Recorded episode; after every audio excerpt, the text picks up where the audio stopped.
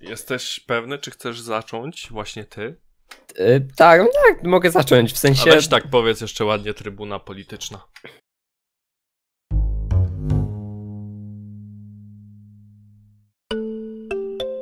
Trybuna polityczna. Witamy Państwa bardzo serdecznie na Trybunie Politycznej, czyli jedynym obiektywnym podcaście politycznym w Polsce.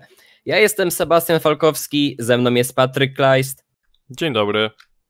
I dziś będziemy rozmawiać o Konfederacji. Czy Konfederacja jest partią jednej kadencji? Patryku? Nie dowiecie się tego z, tego materiału, niestety, bardzo mi przykro. Jak zwykle nie damy wam żadnej gotowej odpowiedzi, tylko chcemy właściwie porozmawiać o pewnych przesłankach, pewnych y, pozytywnych kwestiach związanych z tym ugrupowaniem w obecnej kadencji Sejmu, także kwestiach negatywnych związanych z tym ugrupowaniem właśnie w tej obecnej kadencji Sejmu oraz tak naprawdę chcemy przybliżyć wam dlaczego może tak być, a dlaczego może właściwie też tak nie być. Są przesłanki za tym i oczywiście jest także wiele przesłanek jakby przeciwko temu stwierdzeniu. A dlaczego tak naprawdę? Bo każdej kadencji Sejmu, w naszej polskiej specyfice, w naszym polskim systemie politycznym, czy właściwie systemie partyjnym, jest taki okres, w którym formuje się partia, można to powiedzieć buntu na dobrą sprawę, ale ta partia nie zawsze musi mieć taki charakter. Może mieć charakter nieco odmienny, może akcentować, czy kłaść akcent tak naprawdę na pewne sprawy wszelakiej maści, zależy od pewnego charakteru tego ugrupowania oczywiście. I w każdej, znaczy prawie w każdej kadencji Sejmu takie ugrupowanie zyskuje całkiem niezły wynik, można powiedzieć, dostając tak, się do Sejmu. Ugrupowanie, ugrupowanie, które wypłynęło, można powiedzieć, na aktualnościach, na jakichś problemach, które się pojawiły w danym momencie. Partia zaczęła to grzać, e, partia zaczęła e, pokazywać najlepsze rozwiązania według niej na zaistniałe problemy i zyskała poparcie społeczne. Dokładnie. Dzięki temu, że zyskała to poparcie społeczne, dostała się do Sejmu, tak jak już wcześniej wspomniałem, z całkiem niezłym wynikiem.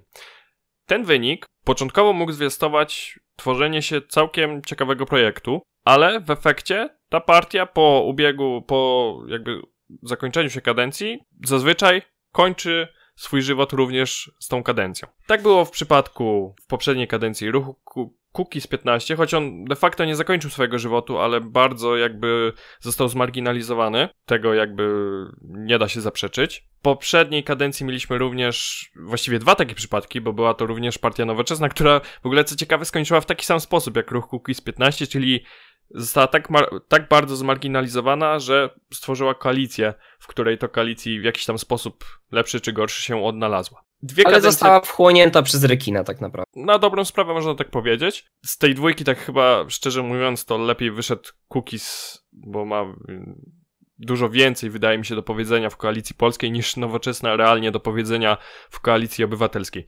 W poprzedniej, poprzedniej kadencji takim e, taką partią, takim ruchem był ruch Palikota. Mówię oczywiście o kadencji 2011-2015 który również jakby wypadł i on, tak jak i podobnie jemu, skończył no, dosyć niefajnie, przynajmniej dla, te, dla tego ugrupowania. Cztery kadencje temu, czyli w roku od 2005 do 2007, takim ugrupowaniem właściwie można powiedzieć nie do końca na, na takiej samej zasadzie, ale jakby schemat działania był całkiem, całkiem jakby tożsamy. Była lewica i demokraci. Lead. Lead, dokładnie, który miał być takim nowym otwarciem dla lewicy. No niestety to nowe otwarcie nie wyszło. Wrócił Sojusz Lewicy Demokratycznej. W latach poprzednich sytuacja w Polsce była nieco inna, miała nieco inną specyfikę, nieco inną dynamikę. I właściwie można powiedzieć, że w tamtym okresie polska polityka, polski system polityczny, ale także polski system partyjny krystalizował się i takich sytuacji było mniej, ale co kadencję mamy taką właśnie partię, która zazwyczaj jest nazywana właśnie partią jednej kadencji. Ona ma swoje 5 minut. Niektórzy nawet bardzo daleko zachodzą, mając te swoje 5 minut. Na przykład partia nowoczesna poprzedniej kadencji Sejmu zajęła w sondażach, jakby w tych najlepszych dla niej sondażach, miała nawet około chyba 20 paru procent, wyprzedzała Platformę tak, Obywatelską. w swoim piku nowoczesna była przed Platformą i wtedy wiele osób wieszczyło koniec Platformy. Pamiętajmy o tym. Dokładnie. No jak dobrze wiemy, Platforma dosyć szybko się odbiła z tego dołka i weszła na swoje stabilne drugie miejsce. W każdym razie, wracając jakby do clue, to właśnie w każdej kadencji Sejmu jest taka partia, przynajmniej od kilkunastu lat. Jest taka właśnie partia, która jest nazywana, jak wcześniej wspomniałem, partią jednej kadencji. Czy obecnie Konfederacja będzie taką partią? Jest wiele przesłanek, które, może, które mogą świadczyć, że Konfederacja będzie taką partią i razem tutaj z Sebastianem postaramy, postaramy się je przytoczyć, ale jest też również obok tego wiele przesłanek, które mogą świadczyć o tym, że ta partia nie będzie właśnie taką, tak, takiego typu ugrupowaniem, że będzie sobie radziła dużo lepiej niż wszystkie poprzednie ugrupowania wchodzące z taką etykietką partii buntu, czy też partii niezadowolonych, jak zwał, tak zwał. Dokładnie. No i Sebastianie, dlaczego Konfederacja może być ugrupowaniem jednej kadencji? Konfederacja może być ugrupowaniem jednej kadencji, dlatego że jak każde inne ugrupowanie wcześniejsze z tych ugrupowań buntu, po prostu zostanie wchłonięta przez coś potężniejszego od siebie, bo nie wykształci struktur, bo nie będzie wystarczająco zdeterminowana, bo w pewnym momencie liderzy się posprzeczają, jest szansa, że Konfederacja podzieli los y, ruchu Palikota, podzieli los, y, los y, Kukiza po części.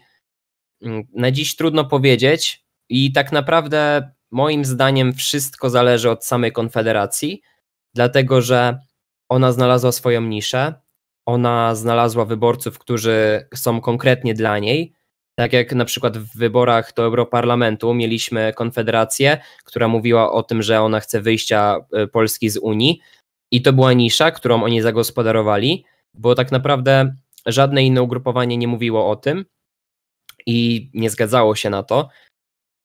Konfederacja e, w tych wyborach e, parlamentarnych w końcu weszła jako ten ruch prawicowo-prawicowy do Sejmu. Po wielu latach pan Janusz Korwin-Mikke wszedł do Sejmu.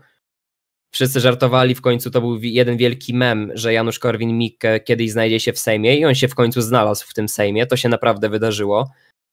I tak naprawdę Konfederacja przy mądrze prowadzonych działaniach i kiedy, jeśli będzie uderzała we właściwe tony w odpowiednich momentach, ona może się utrzymać. Problemem Konfederacji może być to, że w pewnym momencie liderom przestanie się chcieć, bo zobaczą, że mają dobrą pozycję, bo jest subwencja, bo nie chce im się walczyć dalej o coś, co jest y, tak naprawdę nie warte świeczki, bo powiedzmy sobie szczerze, na dziś Konfederacja niewiele może zrobić w Sejmie. Ona nie ma żadnej inicjatywy ustawodawczej, nie może zrobić klubu poselskiego, bo ma za mało posłów.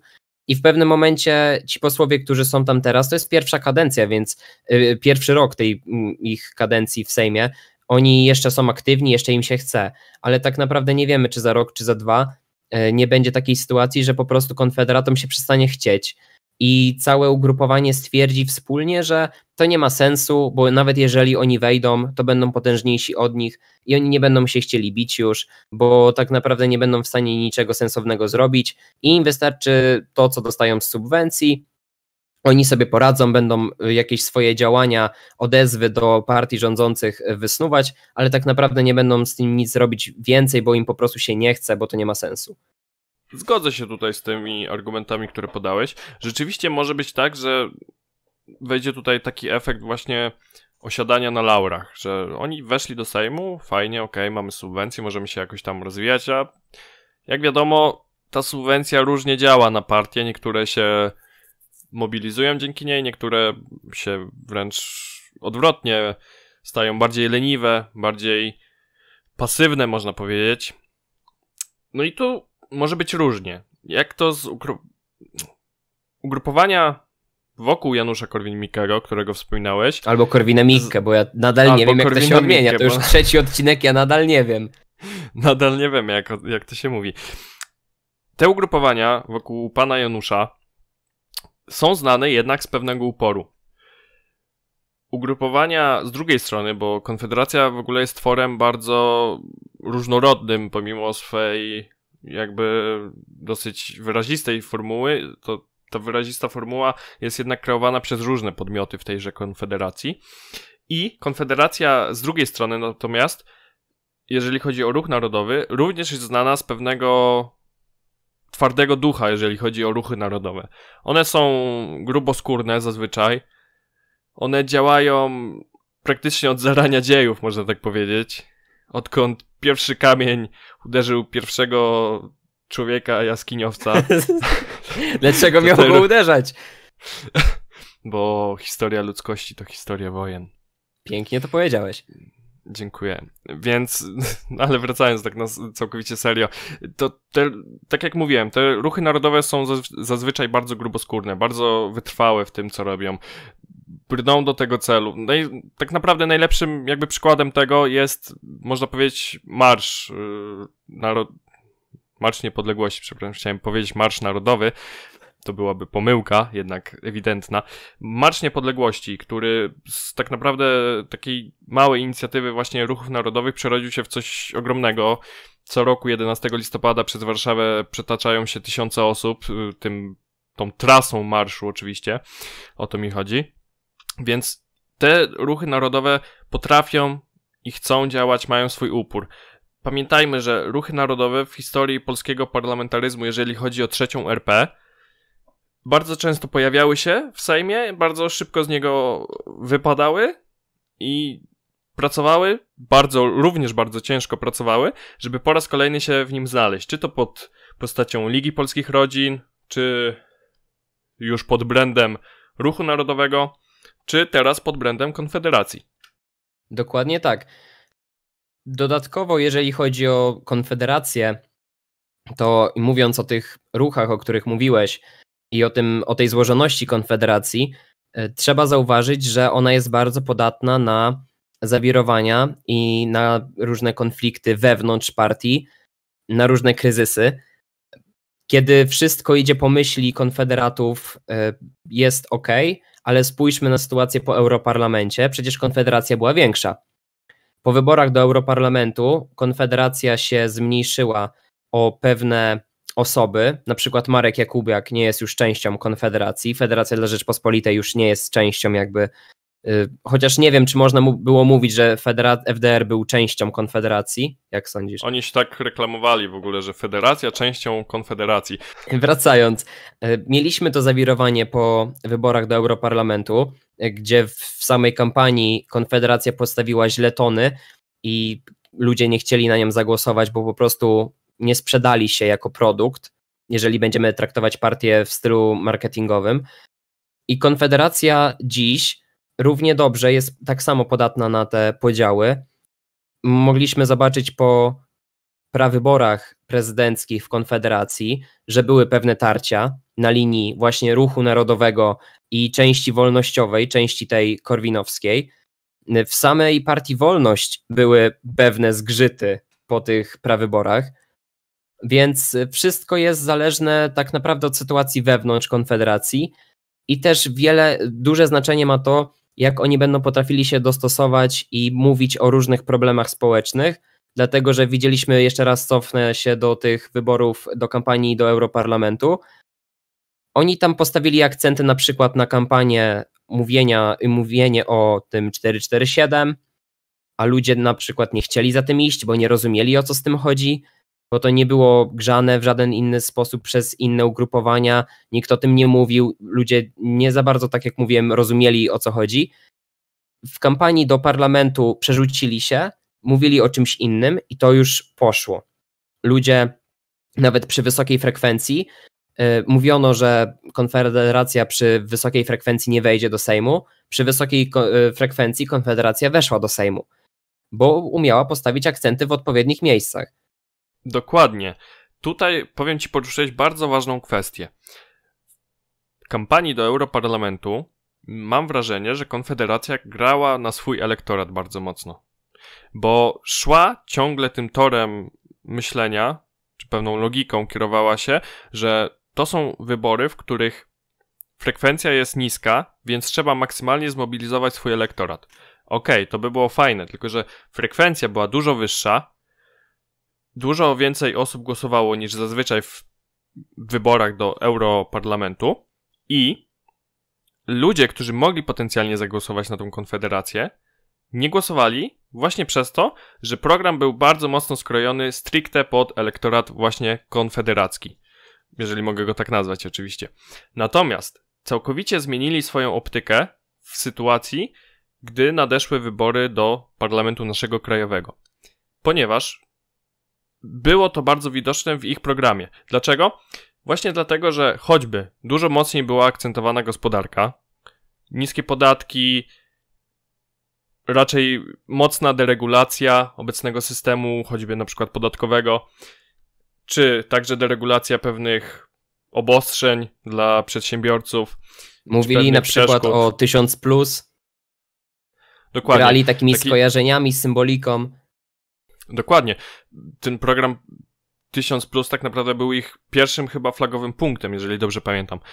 Ale także różne inne bardzo wolnościowe pomysły w kwestii szkolnictwa, bon oświatowy, który w naszych realiach obecnego systemu edukacji byłby naprawdę rewolucyjny. No może nie rewolucyjny, ale naprawdę byłby znaczną reformą, jeżeli oczywiście poszedłby w 100% wedle swoich założeń i działałby w tym swoim typie idealnym, jeżeli możemy tak powiedzieć, to naprawdę byłoby coś znaczącego. Także było więcej mówione o akcentach nie już stricte konfederackich, tylko stricte bardziej patriotycznych niż konfederackich. Ja bym to rozdzielił jednak tutaj, te dwie rzeczy, że jednak przekaz konfederacki jest dużo mocniejszy niż przekaz patriotyczny, taki stricte patriotyczny. Dokładnie. I właśnie dlatego myślę, że taki był wynik, a nie inny tychże wyborów. Też Konfederacja... Dzięki temu, że zmienili właśnie swoją optykę. Też Konfederacja zauważyła po wyborach do Europarlamentu, że nie ma sensu iść stricte w swój elektorat. W polskich realiach to szczególnie nie ma sensu, dlatego że wybory do Europarlamentu wprawdzie są do Europarlamentu, a nie do polskiego parlamentu, ale jednak akcenty są położone w ten sposób, że to jest normalna kampania. I ona się nie różni wiele od tego, e, co mamy później, tak jak w tym roku mieli, w zeszłym roku mieliśmy e, wybory te jeś na jesieni i te wybory e, letnie do Europarlamentu. One się nie różniły za dużo, tylko że po prostu w wyborach do Europarlamentu było więcej tego nakierowania na strefę euro, na więcej rozmów z Europą, Później w naszych warunkach było trochę więcej Polski, ale mimo wszystko to było powiązane w sposób znaczny i Konfederacja zrozumiała, że nie ma sensu mówić tak typowo o kwestiach europejskich, tylko po prostu wystarczy zrobić kampanię stricte na Polskę, bo Polacy tak głosują, a nie inaczej.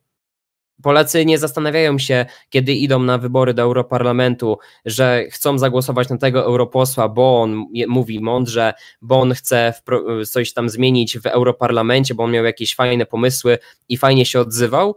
Tylko Polacy głosują na PiS, Platformę, na Lewicę. To też nie oszukujmy się, inne partie mają dokładnie takie samo podejście. PiS czy Platforma grały hasłami tak naprawdę z poletka krajowego, naszego tutaj lokalnego, jeżeli możemy tak mówić, patrząc szerzej oczywiście jakby na całą Europę, to z naszego tutaj polskiego poletka te wszystkie hasła, szczególnie jeżeli chodzi o kampanię Prawa i Sprawiedliwości, to były właśnie hasła dotyczące tego naszego wcześniej wspomnianego poletka, czyli w ogóle te transfery socjalne przed samymi wyborami, te programy, znaczy te założenia programowe, które prezentowali na swoich konwencjach, to wszystko było tak naprawdę tutaj u nas, a nie cokolwiek do, do, do właśnie tyczącego się działalności europosłów właśnie w Europarlamencie czy w Parlamencie Europejskim, jak zwał, tak zwał.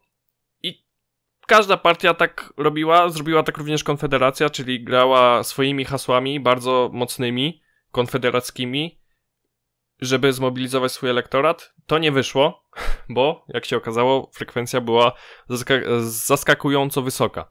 To przechodząc do kolejnych takich, do kolejnego punktu, ty Sebastianie troszkę tutaj wspomniałeś o tych konfliktach wewnętrznych, szczególnie w partii Corwin po prawyborach, które zresztą, co by o nich nie mówić, były dosyć ciekawe, dosyć interesujące. Zrobiły trochę ruchu w polskiej polityce, pokazały, że można jakoś inaczej podejść do tego tematu i to było fajne. To jest na plus Konfederacji. Dokładnie tak, tutaj się całkowicie mogę zgodzić z tobą. To jakby brnąc do brzegu, jednak Konfederacja, pomimo tego, że są tarcia wewnątrz każdego z ugrupowań, to myślę, że takim negatywnym pewnym aspektem, który może działać na niekorzyść Konfederacji, jest również kompozycja tegoż właśnie ugrupowania, bo mamy w samej Konfederacji partię Korwin, partię Korona Konfederacji Polskiej, jeżeli dobrze to pamiętam nazwę? Korona Królów. Korona Królów Grzegorza Brauna, tak powinna się ta partia nazywać. Dokładnie. To była piękna nazwa.